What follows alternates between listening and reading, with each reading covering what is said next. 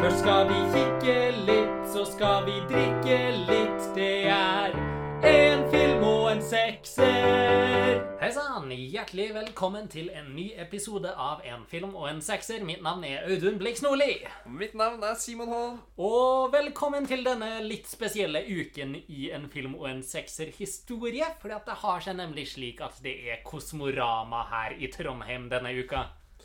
Ja, det må jo vi markere på et eller annet vis. Ja, vi kommer oss ikke til Berlin i år, men vi skal nå i hvert fall komme oss til internettet. Fordi at det er der Kosmorama foregår dette året.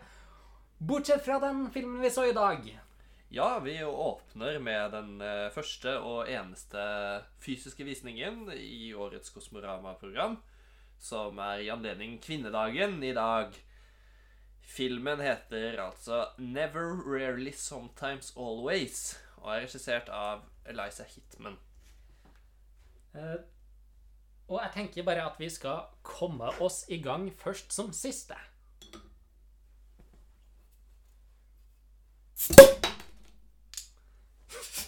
Har øl på flaske i dag, så det ble litt annerledes lyd enn dere er vant til, men det får vi nå bare leve med. Simons familie eh, lager mye godsaker til oss. Takk for at dere sponser podkasten. Never early, sometimes always, Simon. Jeg kommer aldri til å slutte å slite med det navnet, men det var litt av en filmopplevelse. Ja, det er jo en eh, film som veldig fort kan gå dypt inn på en. Absolutt. La oss si sånn grunnleggende eh, Denne filmen handler om en 17 år gammel jente i en liten, liten småby i Pennsylvania. Eh, som har eh, klart å Som har blitt gravid ved et uhell. Og da ønsker å ta abort. Og det er jo det som er handlingsløpet i denne filmen, egentlig. Det er hennes reise for å få fjerna det lille fosteret inni seg. Ja, for fordi hun er mindreårig, så trenger hun i Pennsylvania foreldrenes tillatelse for å kunne ta abort. Men det er ikke tilfellet i New York, så hun tar med seg sin kusine og Stjeler litt penger fra arbeidsplassen. Ja. Og det syns jeg bare er helt greit, for det der var ikke en fin arbeidsplass i det hele tatt. Eh, la oss bare si at denne arbeidsplassen er det første av mange steder eh, de her to unge kvinnene blir utsatt for seksuell trakassering eh, av ganske grov grad. Eh, I dette tilfellet så er det jo en av deres overordnede som eh, driver og ja, både omtaler dem og tar på dem på veldig, veldig, veldig ugreie måter. Ja, og det er jo også opptil flere kunder som eh, prøver seg på de mens yep. de står i kassa og selger dagligvarer. Og kan vi bare slutte med det og prøve å sjekke opp folk i serviceindustrien? De er der for å gjøre en jobb. De flørter ikke med deg når de smiler til deg. De prøver bare å tjene penger til livets opphold, så slutt å flørte med folk som jobber i serviceindustrien. Og slutt å flørte med folk når de er på jobb, generelt. Ja, det er en god tommelfingerregel, det, egentlig. Ja, ikke sant? Jeg sitter ikke her og flørter med deg nå. Nei, for Det- dette er, som vi alle vet, jobben min. Ja. Det er masse, masse penger i dette. Skulle bare visst. En dag, en dag kanskje det går i null. Vi får håpe. Eh, Vi får se. Uansett. eh, Never rarely, sometimes always. Det er en veldig annerledes film enn jeg så for meg. Ja, for det, det ligger jo visse konnotasjoner i I ab abortsjangeren, hvis man kan kalle det det. Ja, det, det er jo lett å tenke at det At det skal gå en ganske annen retning enn det det gjør her, da. Eller om ikke gå en annen retning, så i hvert fall ha en veldig annen overordna tone. Ja. eh, og basert på alt egentlig jeg hadde sett, så hadde jeg jo forventa at her skulle være en sånn dramakomedie. Eh, at det skulle være typ en buddy road movie, på et vis. At det var to, to venner som ble nær... To venner som kom nærmere inn på hverandre på en lang reise, og det gjorde alle smartere, sterkere, bedre, et eller annet. Og navnet 'Never Rarely, Sometimes Always' Altså Årsaken til denne tittelen blir jo forklart utover i filmen. Vi vet jo hva det handler om. Men tittelen har en litt sånn Ja, hva skal man si? En litt sånn Lettbenthet, eller Ja, eller annet? Det, Ja. det er liksom en sånn ganske standard lett drama med komedieelement-tittel, føler jeg. Og samme når du bare leser hva som står i Kosmorama-programmet om filmen, eh, så virker det jo som det skal være en hakket lettere tone over det hele. Sammen med hvordan markedsføringsmaterialet er lagt fram. Men det her er en beinhard film. Ja, det, det du sier at du forventa, er jo egentlig nøyaktig en film som heter 'Unpregnant', som kom ut i fjor. Eh, Den nå. Som er nøyaktig det du beskriver der. En roadtrip, abort Komedie mer enn drama, som kanskje var altså, på ett vis det som gjorde at den filmen fungerte ganske godt. Eh, Det er ingen dårlig film. Men det at det var en komedie, og en såpass utprega komedie, gjorde Altså, det gjorde at et veldig stort impact eh, var utenfor rekkevidde. Mm. Det, den kunne ikke si noe så seriøst når den ble litt sånn flausete og altså Iboende i komediesjangeren er jo nesten alltid en mangel på realisme. Mm. Og det ser man òg til tider i Unpregnant, selv om det er til å være en komedie uh, veldig realistisk, og det er jo en sosialrealistisk tematikk, men allikevel så er det noen sånn sammentreff og noen scener der som Det, ville aldri skjedd sånn. Mm. Og da mister man noe av slagkraften, da. Men den slagkraften bevarer jo Never early, Sometimes Always. Absolutt. Det her er sikkert den mest eh, realistiske framstillinga av denne tematikken jeg noensinne har sett. Eh, altså, jeg mener Behandlinga hun får på den første klinikken hun går til i hjembygda si, er jo det du hører om i alle skrekkhistoriene fra unge kvinner som, har, som prøver å ta abort i USA. Det er Kom her og hør på pulsen til ungen din. Du må høre på det, og det er den vakreste lyden du kommer til å høre, og det må du bare vite. Og kom og se denne filmen der vi forklarer deg hvordan abort er å ta livet til et barn. Eh, og det er ikke noe, ikke noe du kan si imot det. Det, det er veldig den tonen, og det spilles jo helt streit. Ja.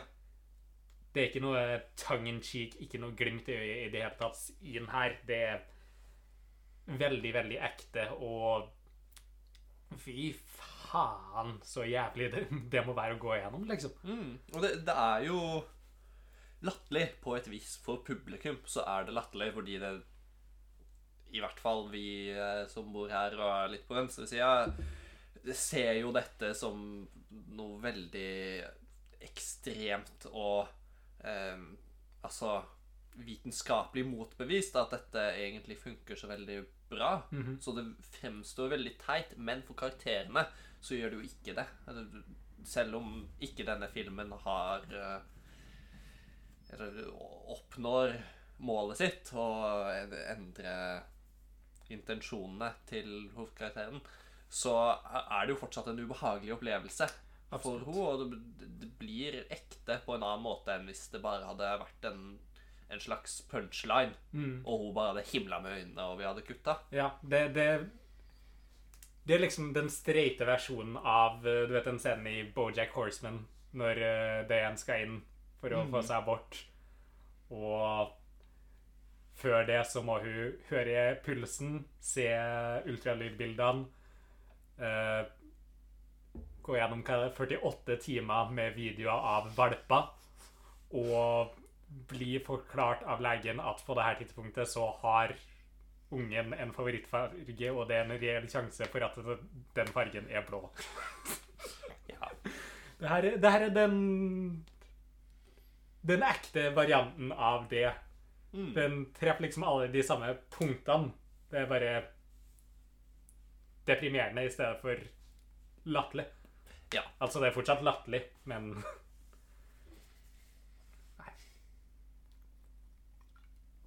Og så kan vi jo snakke litt om filmens dramaturgi, og da kanskje særlig den geografiske dra dramaturgien Mm. som er til stede her. Fordi vi starter jo i en, i en småby i Pennsylvania. Eh, og man kan jo egentlig tolke dette som en eh, Eller anta at dette er en periodefilm. mm. I, de første, kanskje den første halvtimen eller noe sånt, siden det er det fremstår veldig arkaisk. Det er en gammeldags diner, og det er et sånt gammeldags uh, talentshow, og man ser ingen telefoner, og det, det der første eh, abortkontoret, som ikke er et abortkontor, er, er jo Har jo fortsatt eh, landlines, og det er ingenting som tilsier at dette er nåtiden. Nei.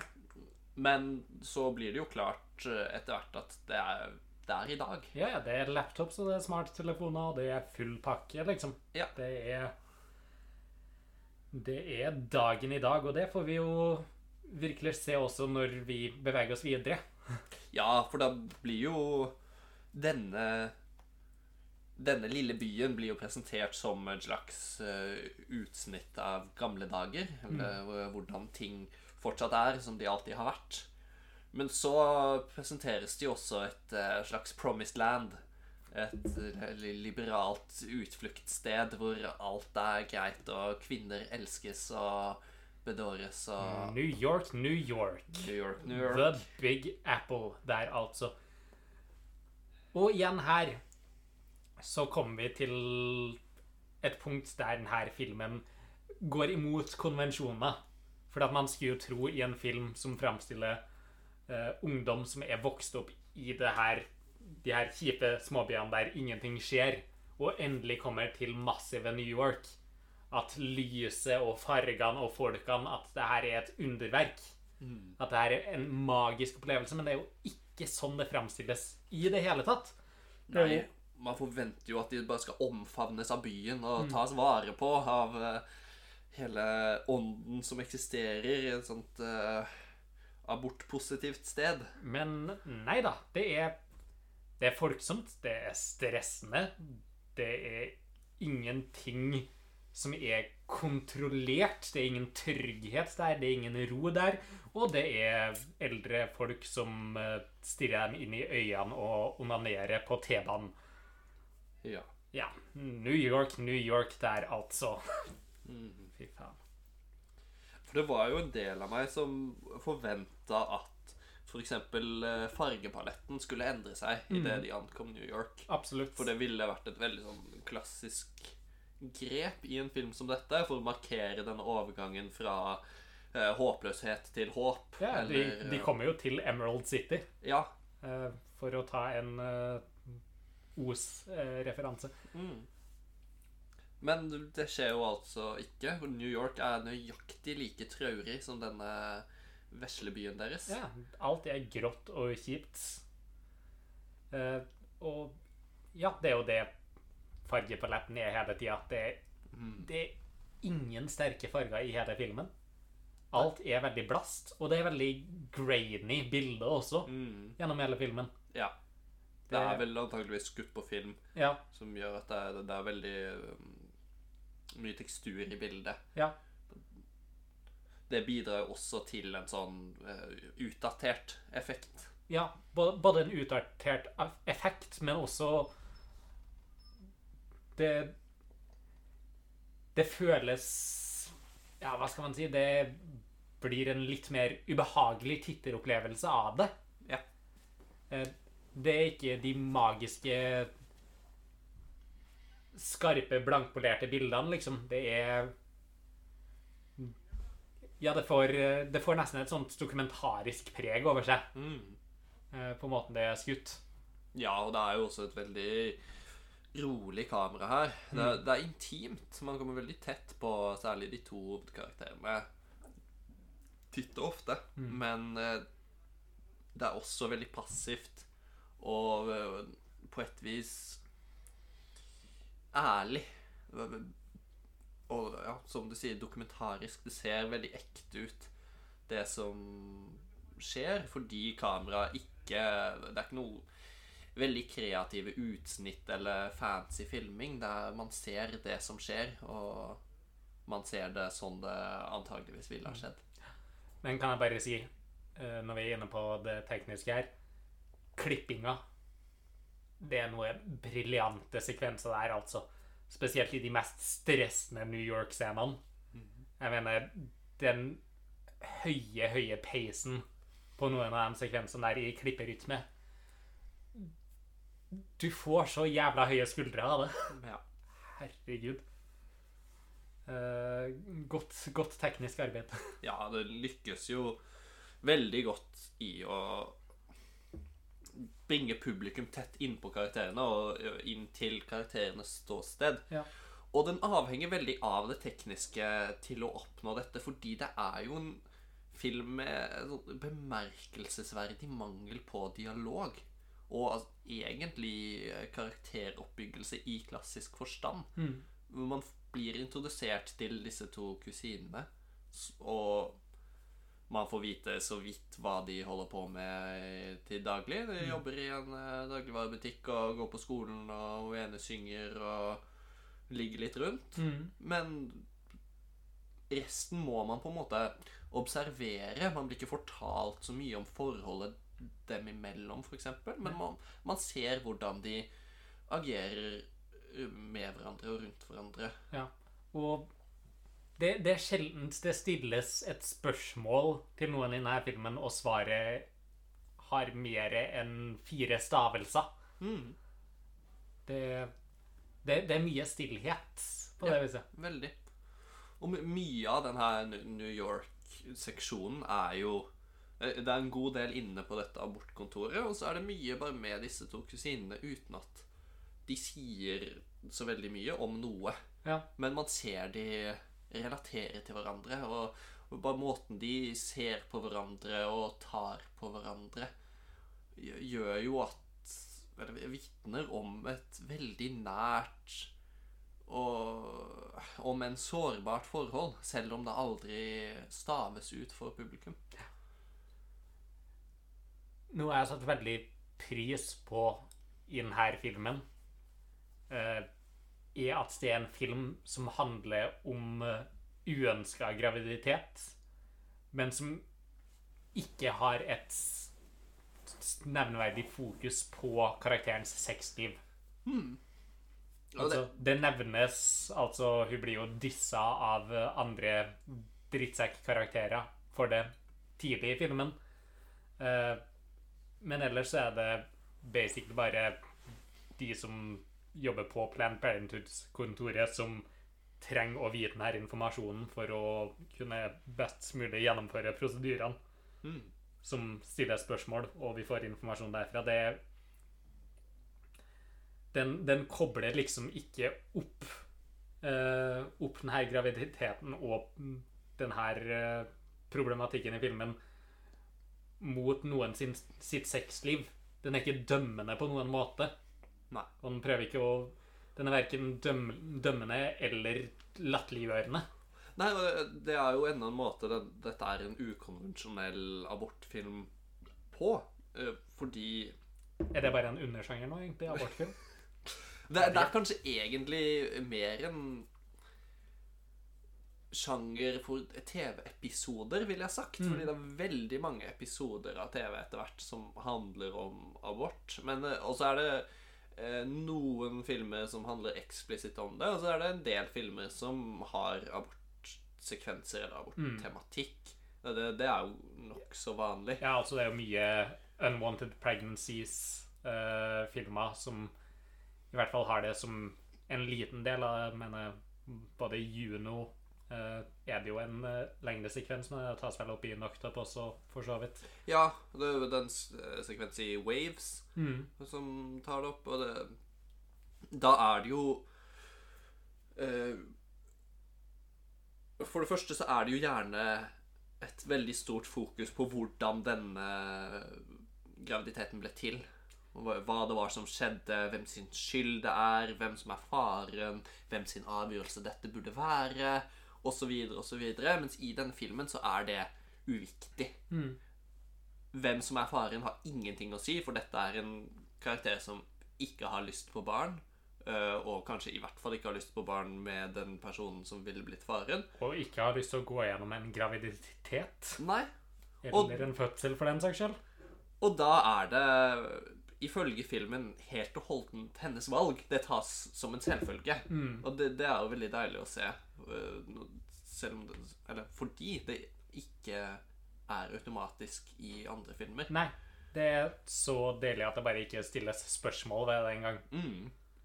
Og det er jo noe som har skjedd mer og mer de siste åra. Det er jo en norsk film som også har premiere i vår, eh, som heter Ninja Baby, som også har litt det samme eh, synet på abort, selv om det ikke er en full-on abortfilm, fordi det, det er en veldig mye mer eh, kompleks case Mm. til syvende og sist. Så eh, mens den filmen er en abortfilm, den første halvtimen cirka, så er det helt og holdent hovedkarakterens valg om hun skal beholde babyen. Og det, det er det som er det viktigste, da. Så det, det er jo en grunn til at filmer som dette plutselig popper opp nå. Det, har ikke vært så lett å få gjennomslagskraft for å lage en sånn her film, eh, selv bare for ti år siden. Nei. Det, det er også viktig at det forekommer nå. Eh, fordi at selv om det er mye positivt som skjer, det har jo skjedd bra ting i Irland f.eks. den fronten, så er det jo eh, Polen f.eks. går Ja, helt jævla feil retning. Mm.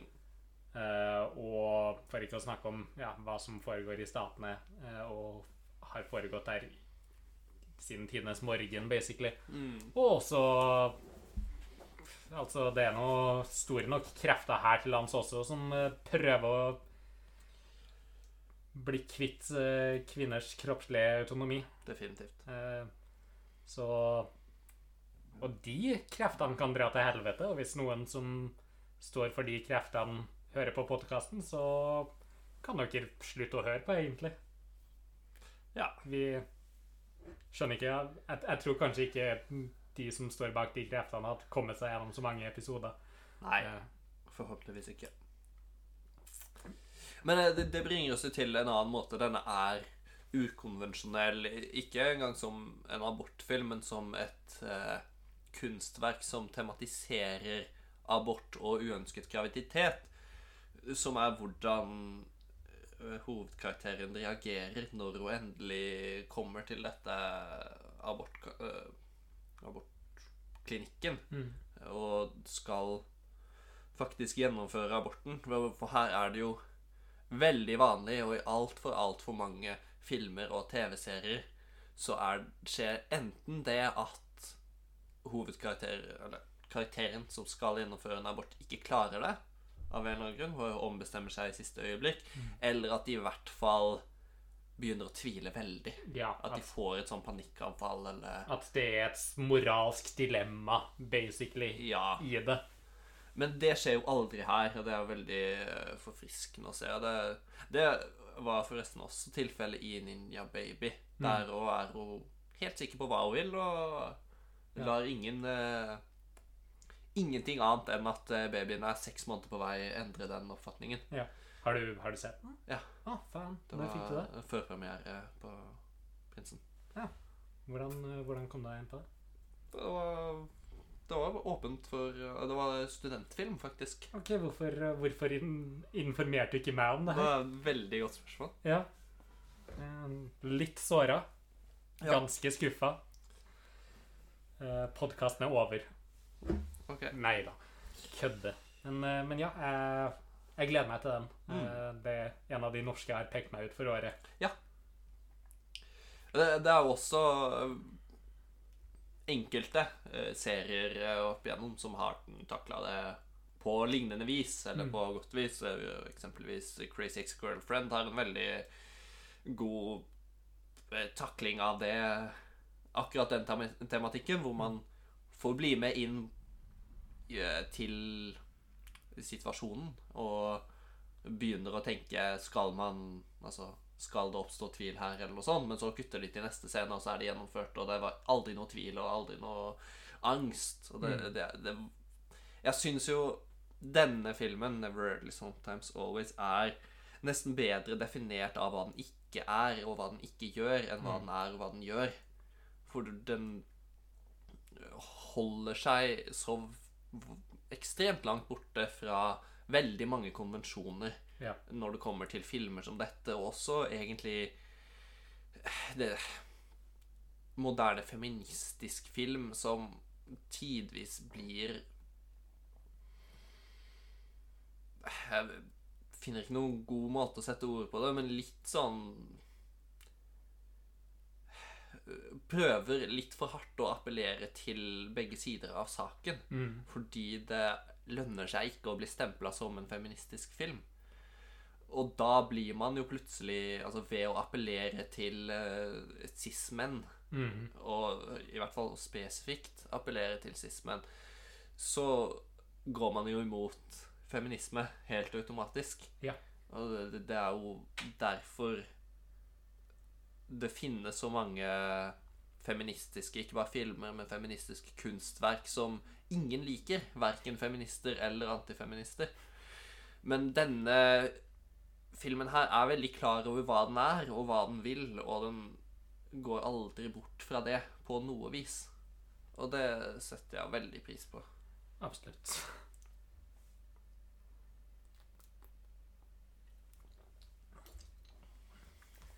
Eh, Vi kan jo også snakke om realismen i det hele her.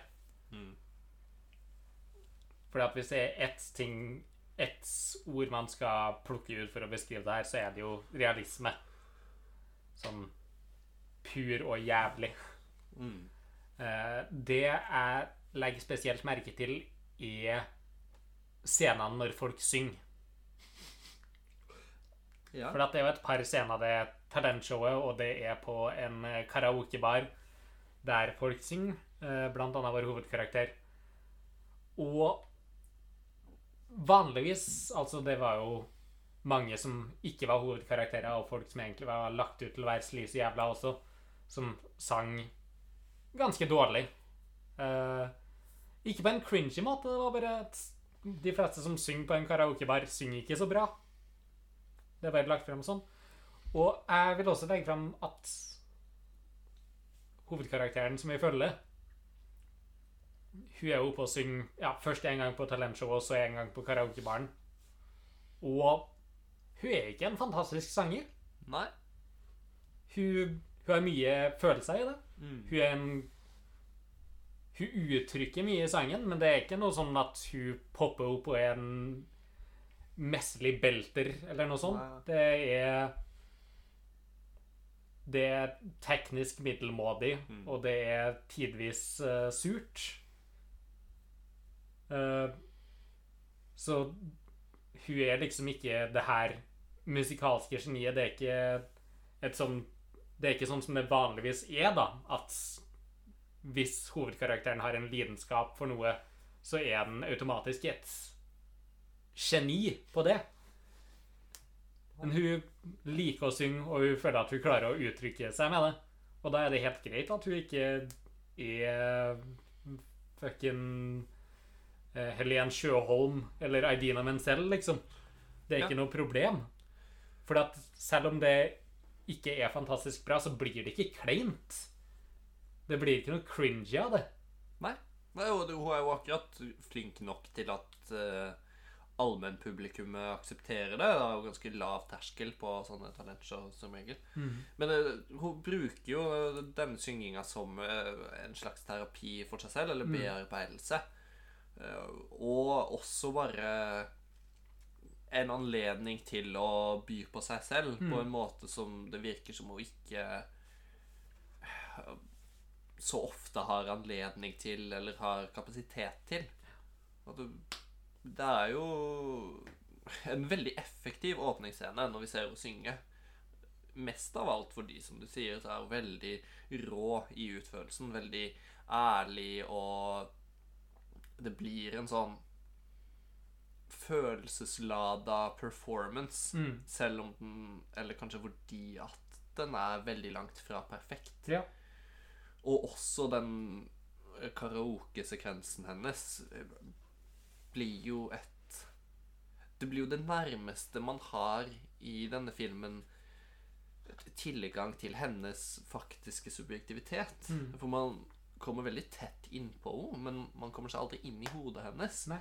Også fordi hun snakker så lite og sier så lite. For det er jo mange karakterer som vi aldri får eksplisitt subjektiv tilgang til, men som vi kjenner Altså at vi kjenner til subjektiviteten deres fordi de uttrykker den. Mm. Byr på seg selv på en verbal måte. Ja, og de, eneste gangene uh, Autumn byr på seg selv, det er disse sangsekvensene, og når hun tvinges til å svare på veldig inntrengende og personlige spørsmål hos Planned Parenthood. Ja. Og selv da er det aldri en sånn Man får aldri innblikk i hennes personlighet eller hennes personlige følelser rundt det som spørres om. Så det er aller mest denne andre sangscenen som står igjen som en sånn helt unik eh, karaktertilgang. I hvert fall i kontekst av denne filmen.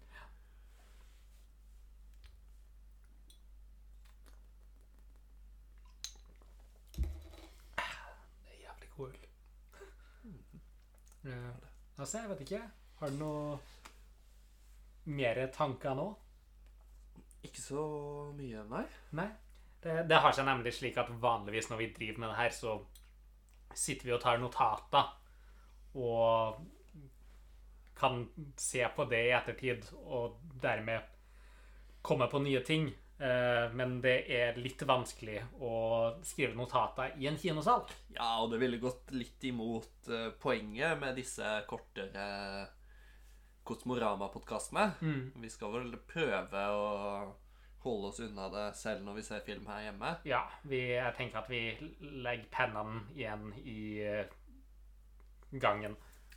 Mm. Eh, Da tenker jeg at vi kan si det sånn, egentlig. Eh, Denne episoden slippes jo nå øyeblikkelig, når jeg har fått lagt på musikken på starten og slutten. Ja. Eh, Vi er tilbake allerede i morgen med en ny episode. Mm. Uh, Det har seg også sånn at uh, Never Rarely Sometimes Always ser ikke ut til å få norsk kinodistribusjon. Dessverre. Og den er heller ikke en del av det digitale programmet på Kosmorama, dessverre. Nei. Så eh, det her er bare en film man må holde utkikk etter på fysisk format og eventuelt streamingtjenester etter hvert. Ja, bare Det er vel egentlig en Hulu-film, så det er jo ikke noe direkte norsk ekvivalent. Nei, Hulu-ting pleier jo ofte å slippes på HBO, da. Har jeg Ja. lagt merke til. Så følg med hovedsakelig på HBO, I guess. Og sjekk innom Netflix og de andre stedene der dere streamer ting. Mm. Blockbusters kan jo sikkert få det opp etter hvert også. Sånn Ja på, på uh, pay-per-view. Mm. Uh, men anbefaler alle å prøve så godt de kan å få med seg denne filmen. Ja. Uh, fordi det er virkelig noe annet enn det man har sett tidligere i filmer med tilsvarende tematikk. Det er en jævlig sterk opplevelse. Mm. Uh, og ja, det er bare en kvalitetsfilm, rett og slett.